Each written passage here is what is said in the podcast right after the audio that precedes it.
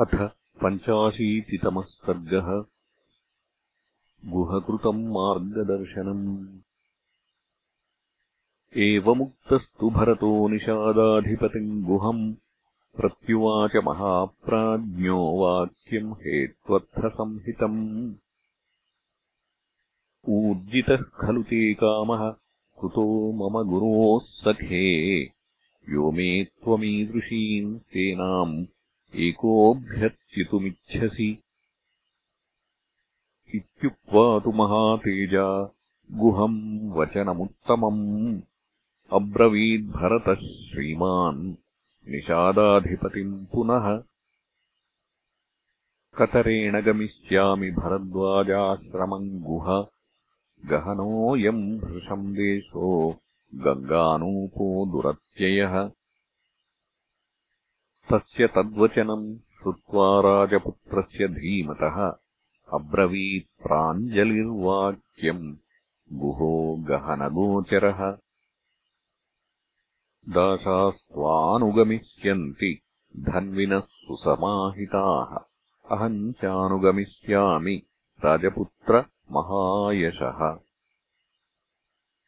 कच्चिन्न दुष्टो व्रजसि रामस्याक्लिष्टकर्मणः इयन्ते महती सेना शङ्काम् जनयतीव मे। तमेवमभिभाषन्तम् आकाशैव निर्मलः भरतः श्लक्ष्णया वाचा गुहम् वचनमब्रवीत्। मा भूत्सकालो यत्कष्टम् न माम् शङ्कितुमर्हसि। राघवः स हि मे भ्राता ज्येष्ठः पितृसमो मतः तम् निवर्तयितुम् यामि काकुत्स्थम् वनवासिनम् बुद्धिरन्यानते कार्या गुह सत्यम् ब्रवीमि ते।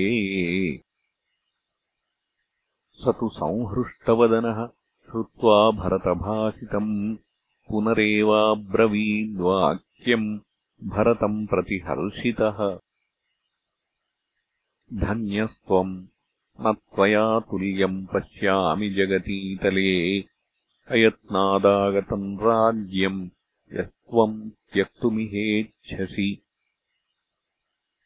शाश्वती खलु ते कीर्तिः लोकाननुचरिष्यति। यस्त्वम् कृच्छ्रगतम् रामम् प्रत्यानयितुमिच्छसि। एवम् सम्भाषमाणस्य गुहस्य भरतम् तदा बभौ नष्टप्रभः सूर्यो रजनी चाभ्यवर्तत सन्निवेश्य सताम् सेनाम् गुहेन परितोषितः। शत्रुघ्नेन सह श्रीमान् शयनम् पुनरागमत्। रामचिन्तामयः शोको भरतस्य महात्मनः उपस्थितो ह्यनर्हस्य धर्मप्रेक्षस्य तादृशः अन्तर्दाहेन दहनः सन्तापयति राघवम् वनदाहाभिसन्तप्तम् गूढोऽग्निरिव पादपम् प्रसृतः सर्वगात्रेभ्यः स्वेदम् शोकाग्निसम्भवम्। यथा सूर्यांशुसन्तप्तो हिमवान् प्रसृतो हिमम्। ध्याननिर्दरशैलेन विनिः श्वसितधातुना दैन्यपादपसङ्घेन शोकायासाधिशृङ्गिणा। प्रमोहानन्तसत्त्वेन सन्तापौषधिवेणुना आक्रान्तो दुःखशैलेन महता कैकयीसुतः।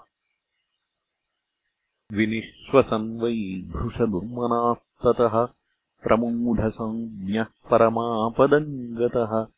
शमम् न लेभे हृदयज्वरार्दितो नरर्षभो यूथगतो यथर्षभः। गुहेन सार्धम् भरतः समागतो। महानुभावः स जनः समाहितः।